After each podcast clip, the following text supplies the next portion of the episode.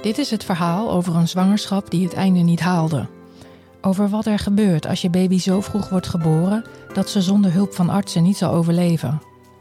Het gaat over de baby's die vechten voor hun leven en over de ouders die zich staande moeten houden in alle emoties. Over verwachtingen die niet uitkomen en over de periode erna. Podcast Prematuur gaat over de helden van het eerste uur. Ik ben Vanessa. Welkom bij Podcast Prematuur.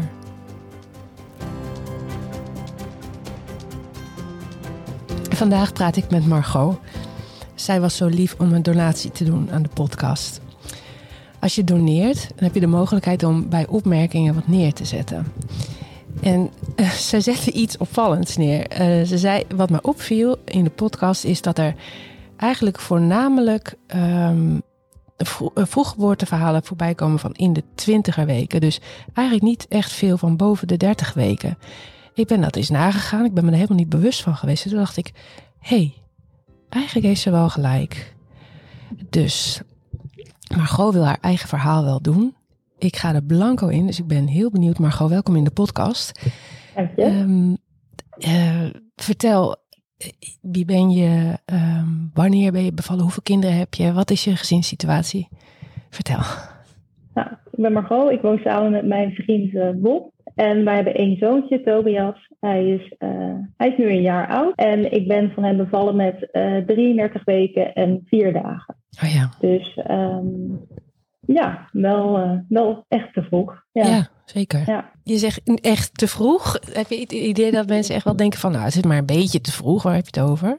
Nou, ik denk wel dat uh, hè, op het moment dat ik beviel, schrok mijn omgeving natuurlijk wel. Ja. Hè, ik was nog niet met verlof. Het was duidelijk nog niet op het punt um, dat het oké okay was om te bevallen. Maar ik denk dat bijna niemand dan weet wat dat inhoudt als je inderdaad te vroeg bevalt. Um, ja, ik denk dat daar nog wel veel onduidelijkheid over is. Mm -hmm. Zou je het met me eens zijn als ik zeg dat ik het idee heb dat we eigenlijk iedereen die een te vroeg geboren kindje krijgt, eigenlijk hetzelfde proces doormaakt, in ieder geval in die start van hè, net na de geboorte? In ons geval werden we heel erg overvallen uh, door überhaupt de vroeggeboorte aan zich. Dus dat, dat hij te vroeg geboren werd. Hmm. Dus dat is dan natuurlijk al een shock. En dan daarna de dagen die erop volgen waarin je moet accepteren dat, dat je kindje er al is, terwijl het nog in je buik had horen te zitten. Hmm. Ja, ik kan me voorstellen dat als je inderdaad een kindje krijgt uh, ver onder de 30 weken, dat de angsten nog veel groter uh, zijn dan met een termijn van 33, 34 weken. Maar ik denk wel dat het besef dat je kindje er is terwijl het nog niet had moeten zijn. Ik denk dat dat wel ja, uh, in beide gevallen even moeilijk is om te, te verwerken. Hmm. Ja. Na Tobias geboorte, de termijn waarmee die is geboren, hebben ze dat daar vergeleken met nog vroeger geboren kindjes? Nou, er werd wel uh, vrij direct gezegd van ja, het is te vroeg. Uh, maar met deze termijn ja, zijn, zijn de kansen heel gunstig en hoeven de gevolgen ook niet groot te zijn uh, in de toekomst. En is vaak ook het ziekenhuisproces minder, uh, minder lang en uh, waarschijnlijk ook minder, minder heftig of minder intens dan bij een nog, nog extremere vroeggeboorte. Mm -hmm. ja. Dus dat werd, wel, dat werd wel genoemd, inderdaad. Mm ja. ja. Zou je willen vertellen over je zwangerschap? Ja, tuurlijk. Ik had ja, eigenlijk een hele prettige zwangerschap voelde me heel goed. Ik kreeg wel vrij vroeg in de zwangerschap uh, last van harde buiken. Voor de 20 weken, uh, voor de 20 weken had ik daar al last van. Um, nou, daar heb ik wel met de verloskundige contact over gehad hè, tijdens de controleafspraken, maar dat leek allemaal vrij normaal. Ik was nog heel uh, lekker aan het werk, uh, gewoon. Ik heb best wel een drukke baan, dus daar, daar besteed ik veel van mijn tijd aan. Ik keek heel erg uit naar het verlof.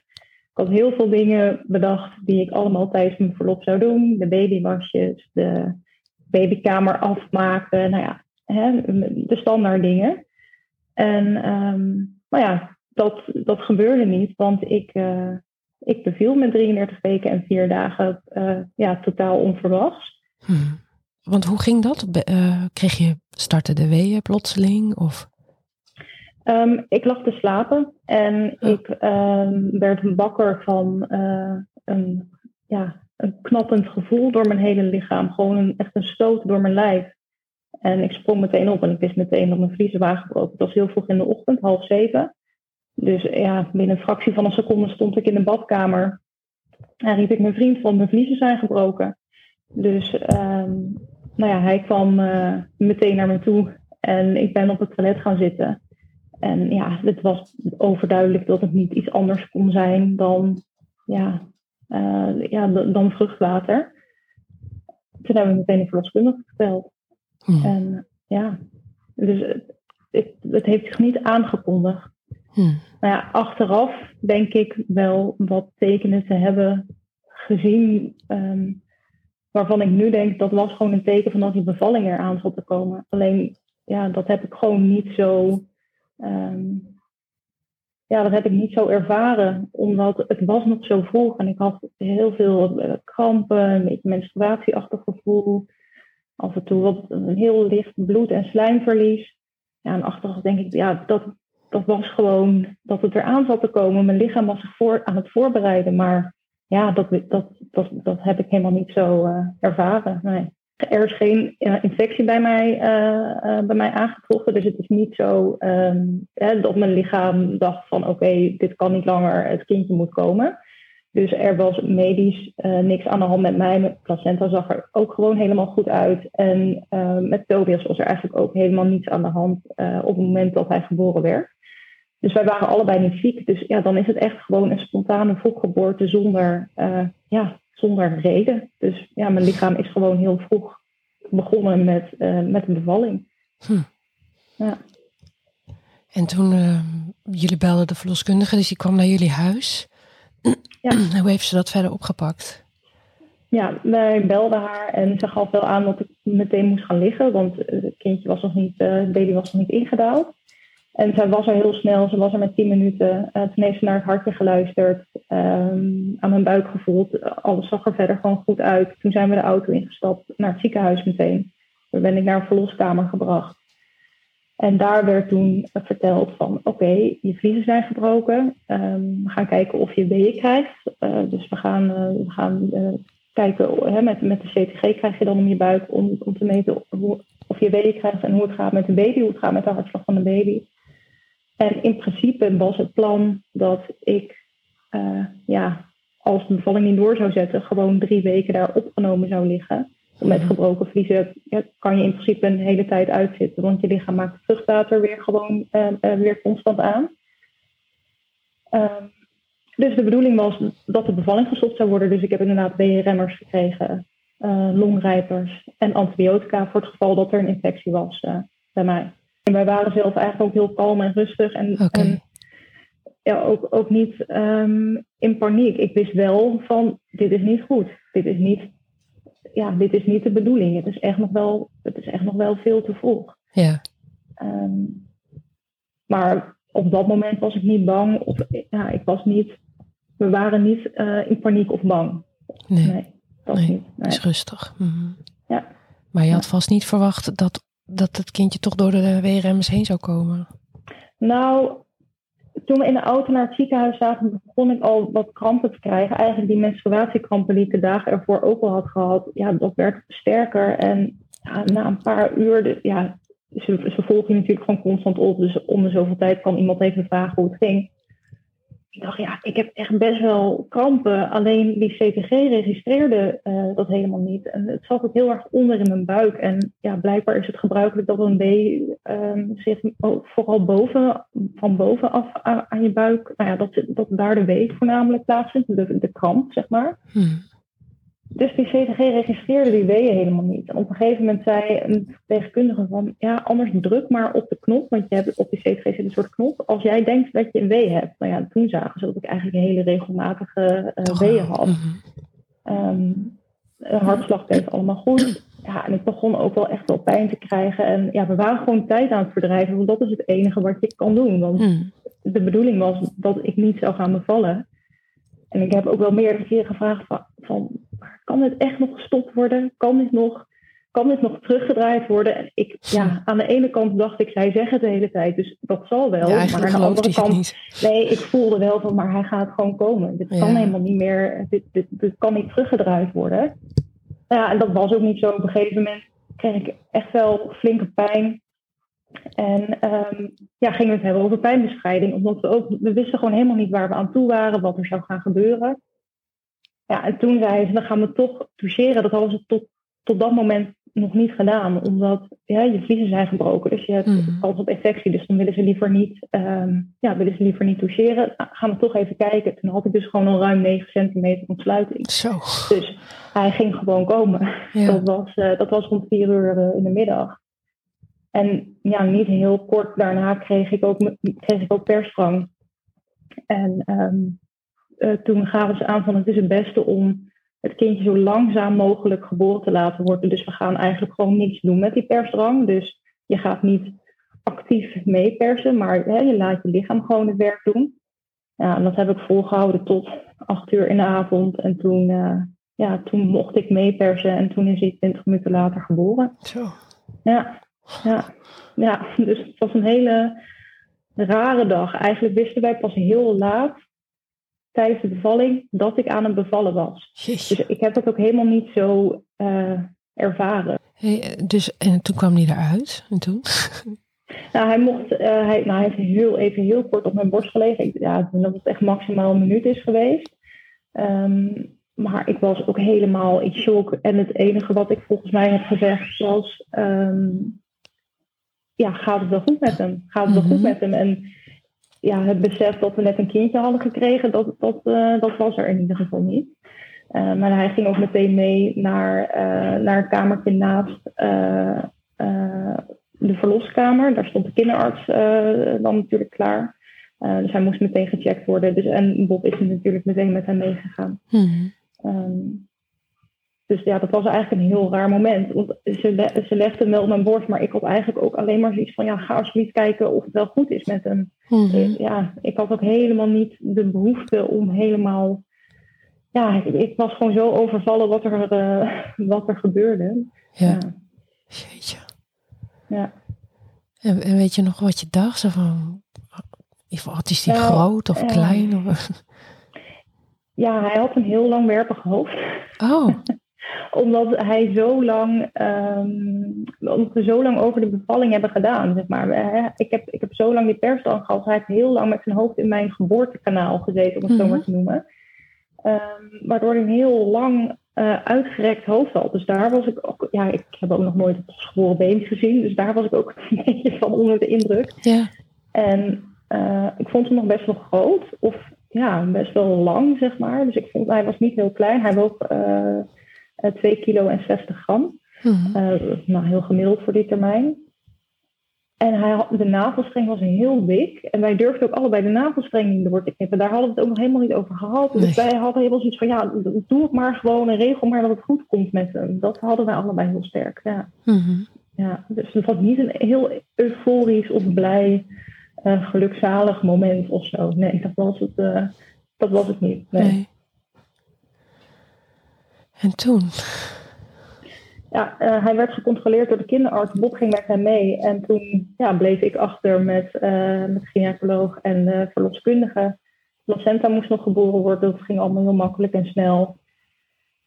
Ja, ik had een hechting, of er er moest eh, een hechting geplaatst worden. En ja, ik voelde me eigenlijk heel opgelucht dat de pijn voorbij was. En verder voelde ik eigenlijk helemaal niets. Ik was helemaal mat en afgevlakt. Mhm. En toen ben ik mijn moeder gaan bellen, want die wist helemaal van niks.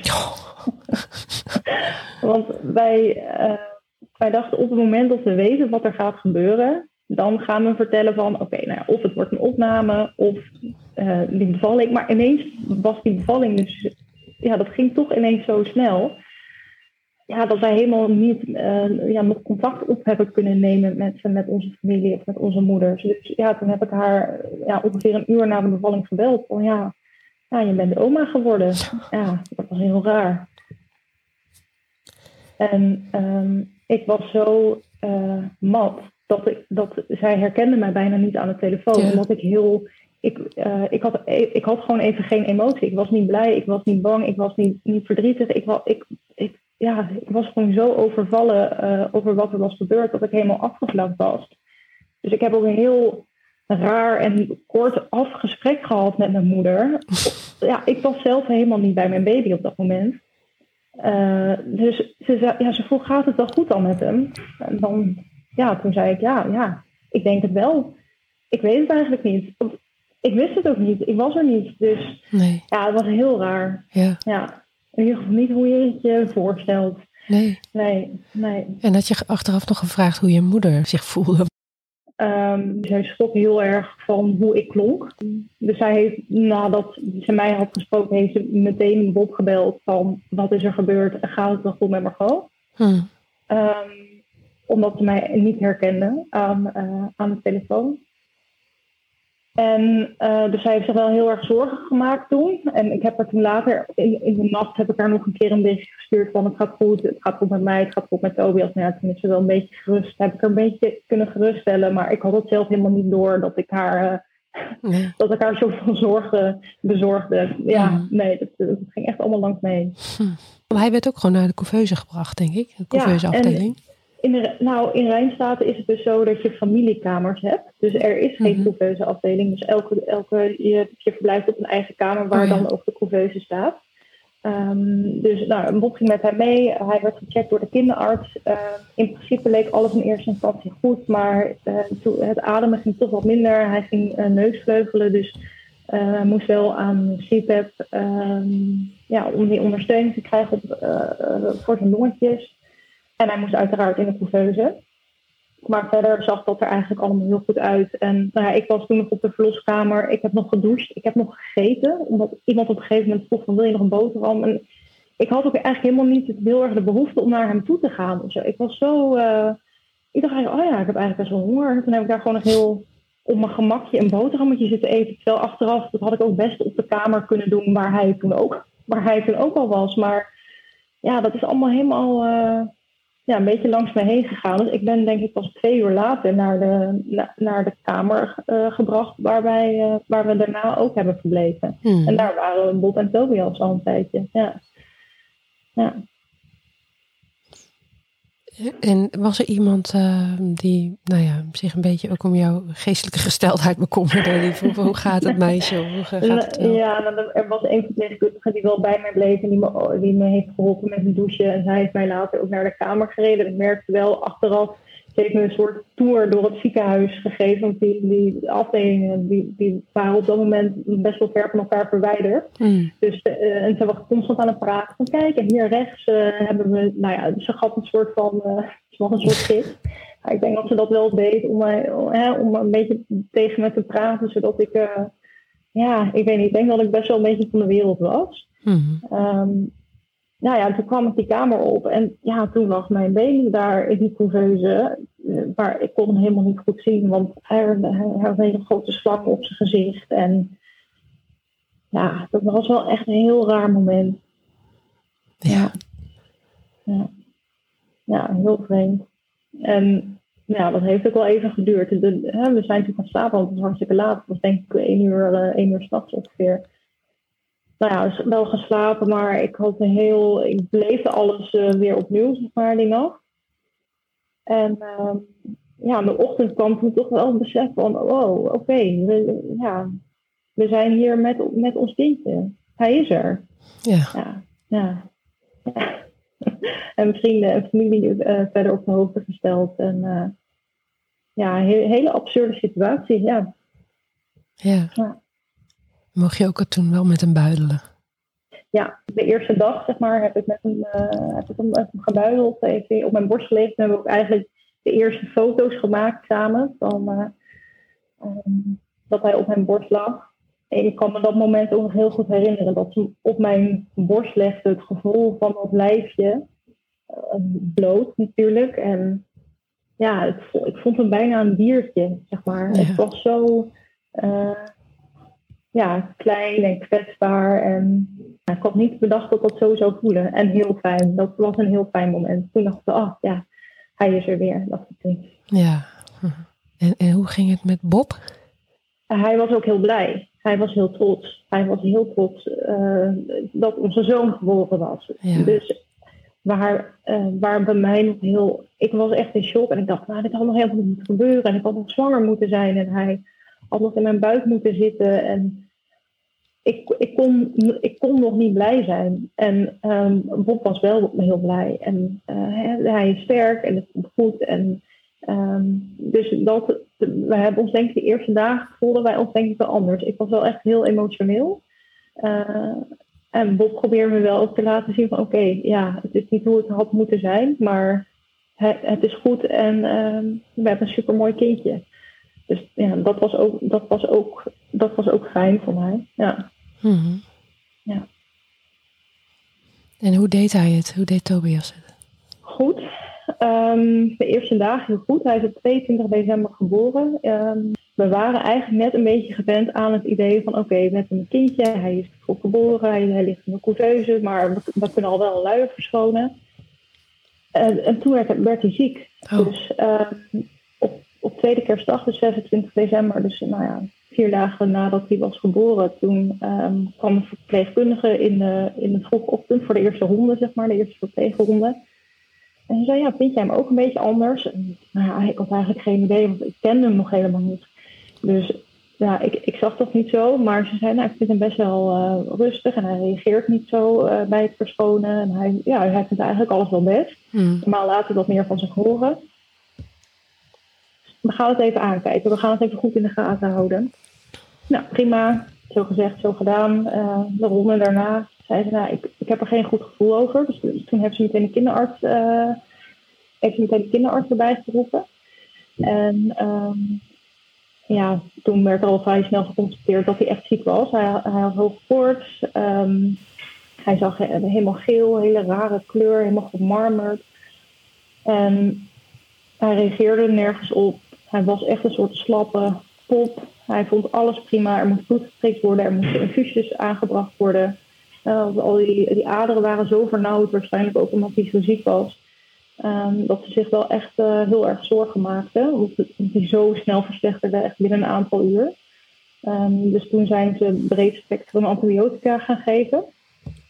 Om ja, dan maar meteen op alles te behandelen. En toen was er wel ja, een verdenking op meningitis, dus op hersenvliesontsteking. Zo. Dus ja, dat overviel ons natuurlijk ook enorm. En ja, het werd ook, dan werd er inderdaad gezegd van ja, we, we, we kunnen meningitis uh, op dit moment niet uitsluiten. En dan keken wij elkaar aan en dachten, oh, wat is meningitis ook alweer? Want dat woord ken je wel en je weet dat het erg is, maar we wisten eigenlijk helemaal niet precies wat dat dan was. En nou, dat was wel echt een beetje een, uh, een rollercoaster. En um, ja, ze hebben toen een lange lijn uh, moeten plaatsen. En dat ging eigenlijk ook heel slecht. Hij, uh, hij was gewoon zo zwak en zo ziek. Dat hij, dat, ja, hij kon het eigenlijk helemaal niet goed aan. Hij bloedde heel veel.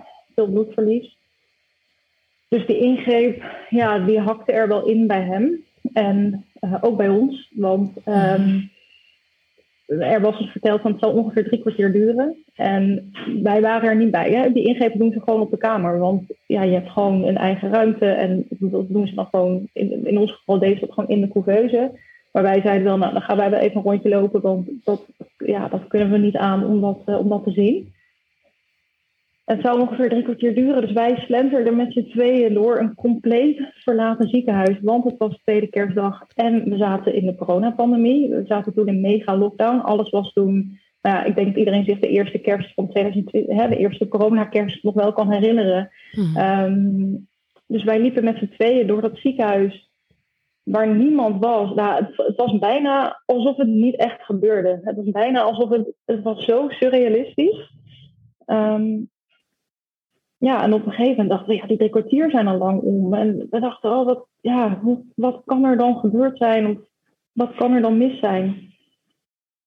En toen zijn we uiteindelijk weer terug naar de afdeling gegaan. Zijn we naar de ouder-kindkamer, zijn we daar maar gaan zitten. Want we dachten, ja, uh, we willen gewoon zo snel mogelijk horen wat er, wat er is gebeurd. En toen kwam de kinderarts na, in, uiteindelijk na anderhalf uur naar ons toe. Van, het, ging gewoon echt veel minder goed dan we dan we hadden bedacht. En die lange lijn was niet eens goed gelukt. Het zat niet goed bij zijn hart, want dat willen ze natuurlijk, zodat de, de medicatie goed dicht bij zijn hart zit, zodat het lijfje, het lijfje goed rond kan pompen. Nou, dat was ook niet gelukt, dus hij was in zijn bovenarm blijven hangen. Jeetje. Het was wel echt even een mega domper, want ik denk dat dat voor ons wel een van de moeilijkste momenten is geweest uit de hele ziekenhuisperiode. Omdat we toen gewoon zo bang waren en zo ja, we, we, dachten toen wel echt, dit kan ook helemaal de andere kant op gaan. Mhm. En dat hebben we toen niet naar elkaar toe uitgesproken, maar dat hebben wij allebei wel gevoeld. Mhm. Van dit kan, ook, dit kan ook echt misgaan nu. En dan, uh, ja, dan is hij er misschien niet meer. Mhm. Ja. Dus dat was wel echt uh, dat was wel heel heftig. En nou ja, de dag erna uh, wilde ze een ruggenmergpunctie doen, maar het ging eigenlijk zo slecht met hem dat, dat ze dat niet wilden doen dat ja, zou te, te, te zwaar voor hem zijn, die ingreep. En toen hebben ze dat nog een dag later geprobeerd, alleen niet mislukte. Dus uh, uiteindelijk hebben ze niet, um, hè, hebben we niet vast kunnen stellen um, waar die ontsteking nou zat. Of het nou wel of, wel of geen meningitis uh, is geweest. Waarschijnlijk niet, omdat hij zo snel is opgeknapt na de antibiotica. Dus hoe snel hij heel ziek werd, zo snel werd hij ook weer beter. Dus na, na twee dagen ging het eigenlijk alweer heel goed. Um, maar ja, dat zullen we nooit weten. uiteindelijk een bacterie blijkt een huidbacterie te zijn. Maar goed, ja, die kan uiteindelijk overal in het lichaam terechtkomen en een infectie veroorzaken. Het is niet heel gebruikelijk dat dat hele heftige infecties veroorzaakt, maar het kan wel. Mm maar nou ja, verder, ja, het lijkt erop dat het niet het, dat het, niet het geval is geweest dat het meningitis uh, was. Maar ja, nou, dat was wel ja, dat was echt een mega domper, zeg maar. We hadden drie dagen achter de rug waarin we dachten, het gaat oké, we gaan het doen. En uh, oké, we moeten in het ziekenhuis blijven, maar het gaat goed komen. En toen werd hij zo ziek. Hmm. En uh, acht dagen lang uh, die antibiotica, en zo'n hele stellage aan zijn arm met al die kraantjes voor alle infusen. En ja, hij, kreeg nog een hele eh, heftige uitslag over zijn lichaam. Waardoor ze ook dachten weer toch aan meningitis. Omdat hij allemaal rode vlekken over zijn lichaam had. Nou, dat kwam waarschijnlijk door ja, alle antibiotica die hij uh, toegediend kreeg. Ze moest in dezelfde periode ook nog onder de land liggen. Ja, uiteindelijk zijn het allemaal niet, um, niet hele heftige dingen geweest. Maar alles bij elkaar maakt het wel... Ja, ik vond het wel heel zwaar. Ja, ik weet, niet, ook, ik weet ook niet of je dat zo moet zeggen eigenlijk, want het is wel heftig. Ja, ja ik, ik heb wel een beetje de neiging om het dan te vergelijken met hoe het ook kan. En dan ehm, valt het altijd allemaal wel mee. Ja. ja. Ik begrijp wel wat je bedoelt natuurlijk, maar ja, volgens mij kan dat helemaal niet. Want... Nee, dat kan inderdaad ook niet. Maar ja. Doodsangst is doodsangst, ja. toch? Ja, dat klopt. Ja. Nou ja, of je nou een 24 weken hebt of een 33 weken. Of... Ja. ja. ja en zeker, en, maar je zegt ook iets anders belangrijks hoor. Want uh, dat, dat, dat die zo, ook, ook de boodschap, hè, dat die zo zwak is dat ze die ingreep niet mm. kunnen doen. En dan mm. gaan ze er wel voor en dan mislukt het. En mm. Ja, ja, dat was wel een mega teleurstelling. Ja, teleurstelling, maar ook, ook frustrerend toch? En, ja. En ook dat ze dan zeggen, ja, we weten het niet. Nee. Gelukkig is die opgeknapt, maar eigenlijk weten we het niet. Ja, ja dat, was heel, dat was inderdaad heel frustrerend. Want um, ja, hij is beter, dus het gaat goed. Of hè, het gaat beter met hem, dus het gaat de goede kant op. En daar moeten we ons aan vasthouden. Maar je wil natuurlijk gewoon weten wat er precies aan de hand is. En mm wat dat voor effecten of gevolgen kan hebben in de toekomst. Mhm. Want het is toch wel een heel ander verhaal uh, als je kindje een hersenvliesontsteking heeft gehad mm op zijn leeftijd. En daar, daar kunnen gewoon hele nare, nare dingen uitkomen. Mhm. Dus ja, dat was, dat was zeker heel frustrerend. Mhm. Ja. En die uitslag ook bijvoorbeeld, is dat misschien een soort van allergie voor een bepaalde antibiotica? Ja, het, het, leek uiteindelijk erop. Uh, ze, ze hebben toen de antibiotica um, verdund. En uh, over een langere periode door het infuus laten lopen. Dus waarschijnlijk was het gewoon te heftig voor zijn lichaam. Hè? Elke keer een mega stoot antibiotica. Hij, hij, kreeg ook zoveel giften op een dag.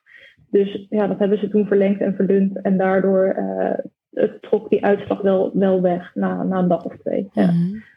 ja. Maar ja, dat had ook weer een teken van meningitis kunnen zijn. Um, die uitslag. Dus dat, um, ja, het, eh, er, het stapelde zich wel op. Er kwam voor mijn gevoel elke dag kwam er weer iets bij wat ook niet goed was. Of wat ook niet goed was gegaan. En ja, dat was wel heel. Ehm, ja, dat vond ik wel heel moeilijk. Ja. Mhm.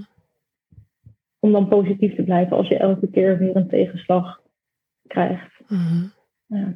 Maar na ongeveer acht dagen ging het goed, want er was de Kun je Ja. klaar? Volgens mij, ja, 1, nee, dat is niet waar. Maar ik kan me herinneren met 31 december, dus met oud jaar, ehm, dat, dat we toen al dachten, oké, het, het, het gaat wel echt goed. En hij moest toen nog wel een paar dagen antibiotica krijgen, maar toen voelde het wel van, oké, we kunnen weer op gaan bouwen. En oh ja, gaan kijken naar, ja, hoe, hoe werkt het, wanneer zou het eventueel naar huis kunnen. Ja.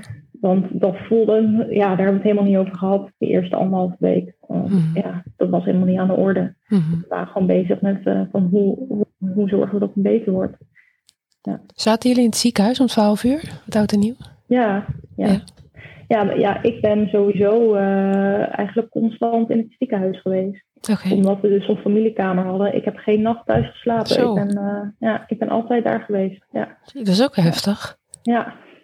Ja dus we hebben uiteindelijk vier weken. Vier we weken, zo. gebleven. Ja. Mm. ja. Ja, nee, ik, wil, ik kon dat niet. Ik wilde het niet. De verpleging zei het ook wel hoor. Van, we gaan een keer een nachtje thuis slapen. Maar ik dacht ook, ja, ik moet toch kolven. Ik moet toch elke drie uur wakker zijn om te kolven. Dus waarom, eh, ja, dan kan ik dat net zo goed hier doen. En ik, ik, ik wilde ook niet weg bij hem. Nee. Nee, nee. En konden jullie wel wat familie ontvangen? Of helemaal niet? Mocht niet? Nee. Nee, ja, eh, ik mocht daar dan sowieso elke dag zijn. En dan Bob werd gezien als visite. Zo. Dus ehm, ja, wij wilden daar natuurlijk allebei elke dag zijn. Stel dat hij een keer had gezegd, ik, ik ga 24 uur niet, dan hadden we iemand anders ehm, ehm, ja, uit mogen nodigen. Maar ja, dat was natuurlijk helemaal niet aan de orde. Ja, hij, ja, hij kon niet 24 uur eh, zijn zoon niet zien in deze situatie natuurlijk. Dus nee, onze, onze moeder, zeg maar, onze familie heeft hem pas gezien toen we thuis waren. Maar hoe is dat? Ja, dat was heel erg raar. Het was op oudjaarsdag eh, ben ik voor het eerst naar huis gegaan en toen is mijn moeder ook naar huis gekomen. Dus toen hebben wij elkaar voor het eerst gezien na de bevalling. Ja. Ja, dat was natuurlijk echt absurd, want je bent thuis, maar je baby is er niet. Je neemt je baby, ja, je baby ligt nog eh, een paar kilometer verderop eh, in een ziekenhuis, ergens in zijn eentje, in een kamertje, in een couveuse. Ja, dat was echt, ja, dat was heel vreemd. Ja. Dat was heel vreemd. Ja. ja, het hangt ook vanaf wat je relatie is met je moeder. Maar ik zou echt helemaal stuk gaan. Ja, ja. Vreselijk. ja ik, heb dat, ik heb dat denk ik wel een beetje naast me neer moeten leggen. Mhm. We- ja, het kon niet. Dus het had ook geen zin om daar heel, eh, ja, om daar heel, heel veel emotie aan te hangen. Want het was Nee. toch geen optie. Nee. En ik weet wel dat mijn moeder het heel moeilijk heeft gevonden. Ja, die heeft het heel Ja. moeilijk gevonden. Mhm. Ja. We hebben elkaar nog wel een paar keer gezien hè, in, in het ziekenhuis. We elkaar in de ontvangshal gewoon, ja, dan maar eventjes daar knuffel. En eh, ja, dat mocht ook gewoon allemaal niet. Het was, eh, ja, wat ik zeg, we zaten echt vol in een, eh, in een, in een lockdown. Mhm. Dus ja, ja, ja, dat is ook niet hoe je het je voorstelt natuurlijk. Dat je, ja, dat je eigen moeder je kindje pas na een maand ontmoet. Ja, dat is Nee. heel raar. Niks rozigs aan. Nee, nee. En, Nee. En toen, ehm, toen mochten jullie naar huis. Ja. En hoe hebben jullie toen gedaan? Wel, ja. Hebben zijn jullie nog voorzichtig geweest met ontvangst en zo? Van familie? Eh, ja, nou ja, we, we hadden toen ook een avondklok. Dus het was sowieso, eh, we, de- we, we lieten wel wat kraamvisite langskomen, maar ja, we waren niet heel erg van het vasthouden. En ja, dat was niet, eh, dat voelde nog niet heel goed. Maar we zijn nooit heel angstig geweest. Wij waren ook, wij waren heel blij dat we naar huis mochten, dat hij van die monitor af mocht. Wij zijn, ja, wij hebben daar nooit angst voor gehad dat hij, eh, eh, dat hij daar thuis ja, dat hij een dipje zou krijgen of dat dat niet goed zou gaan. Mhm. Dus ehm, nou, we hebben ons wel ja, uiteraard ge- gehouden aan, eh, aan, aan de logische regels die op dat moment golden. Maar ja, we zijn niet extreem voorzichtig geweest. Nee, nee. Nee, we wilden ook heel graag dat het normaal was. Ja. Ja.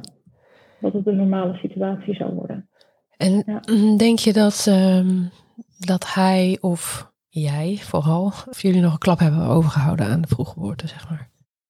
Ehm, ja, ik heb, er, ik heb het in het begin wel heel moeilijk gevonden dat, dat me zoveel is ontnomen. Zo voelt het dan, hè? Van je hebt je, je zwangerschap niet af kunnen maken, je hebt geen normale kraamtijd gehad.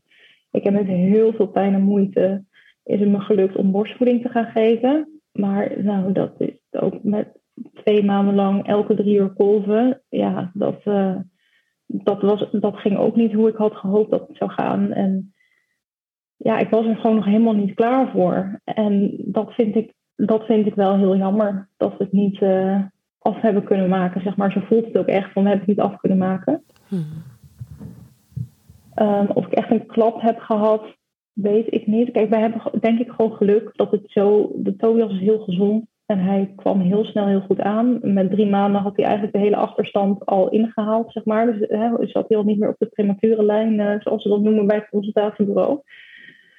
En um, hebben we verder ook nooit, uh, ja, of niet gemerkt, of misschien nog niet gemerkt aan gevolgen van de vroeggeboorte. Dus ik denk dat het daardoor ook veel sneller op de achtergrond uh, schuift. Omdat je, ja, je gaat gewoon door met, met de dagelijkse gang uh, van zaken, zeg maar. Mm Ja. Maar ja, ik heb het er echt wel moeilijk mee gehad. En nou ja, hè, wat ik ook aangaf in, in die opmerking bij die donatie is, ik was heel erg op zoek naar, um, ja, naar ervaringen en naar verhalen van mensen die eenzelfde soort situatie hebben meegemaakt. Je wil gewoon heel graag horen, oké, het, het komt goed, of het gaat goed, of er zijn geen gevolgen, of daar was ik heel erg naar op zoek. En die informatie was eigenlijk bijna niet te vinden. Bijna alle onderzoeken die gedaan zijn over prematuriteit gaat over, vaak over extreme prematuriteit, dus onder de 32 weken. Um, de boeken die erover zijn geschreven uh, ook. Dus ik heb, ben in de eerste maanden nadat wij thuis kwamen, ben ik heel veel informatie me gaan nemen.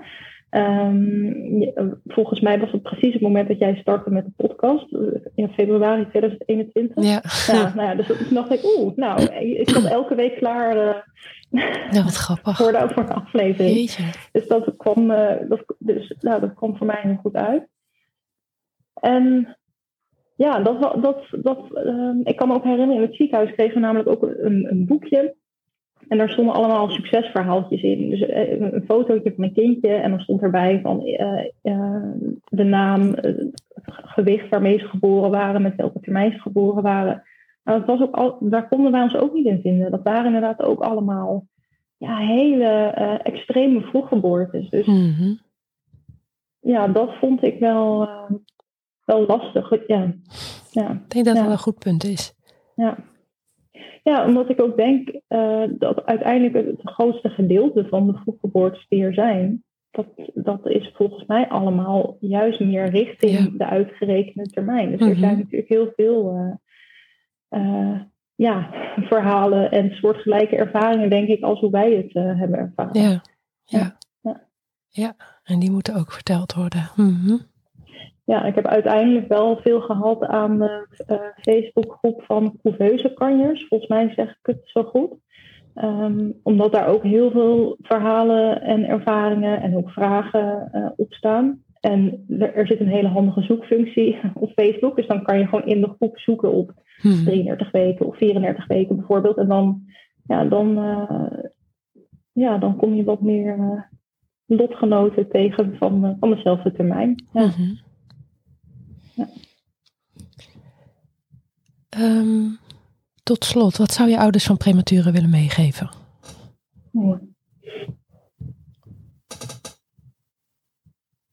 Ja. ja, vraag alles wat je kan en wil vragen aan de verpleegkundigen in het ziekenhuis. Dat hebben wij soms denk ik te weinig gedaan. Maar je hebt echt recht op, op, op alle informatie. Ja. Dankjewel. Graag gedaan. Ik ben blij dat Margot haar verhaal deed. Nou en of dat het heftig is om een 33-weker te krijgen, een 34-weker, of wat dacht je van een op tijd geboren kindje dat ernstig ziek is of wordt? De heftigheid van de vroeggeboorte zit hem niet in de termijn, maar in de onnatuurlijke situatie van de start van het kindje en eventuele ziekte. De doodsangst die Margot en Bob voelden, verschilt niks van die van mijn eigen angst met Vince met 24 weken. Ik durf dat wel zeker te zeggen. Ik zal nooit vergeten, toen Vince op de NICU was, was er een moeder wiens kindje a werd geboren maar erg ziek was. George heette die. Net als de tweede naam van Vince. Zoiets vergeet je dan niet. Een volgroeide baby op de NICU. Meeste kans van overleven zou je op het eerste gezicht denken. Hij stierf. Niets is zeker of vanzelfsprekend.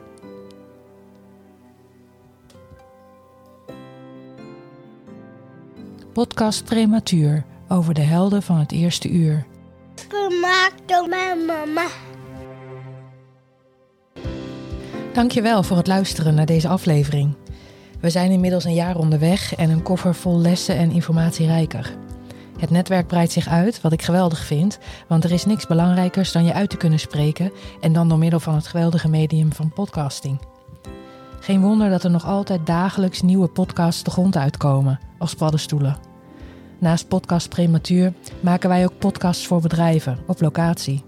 We denken en sparren mee, nemen de podcast op, doen de edit achteraf en video erbij is ook een optie. Wij regelen dus eigenlijk bijna alles. Geïnteresseerd? Kijk dan op de site van de Podcastcentrale, depodcastcentrale.nl. Alvast dank en ik hoop dat je volgende week weer luistert naar een nieuwe aflevering van Podcast Prematuur.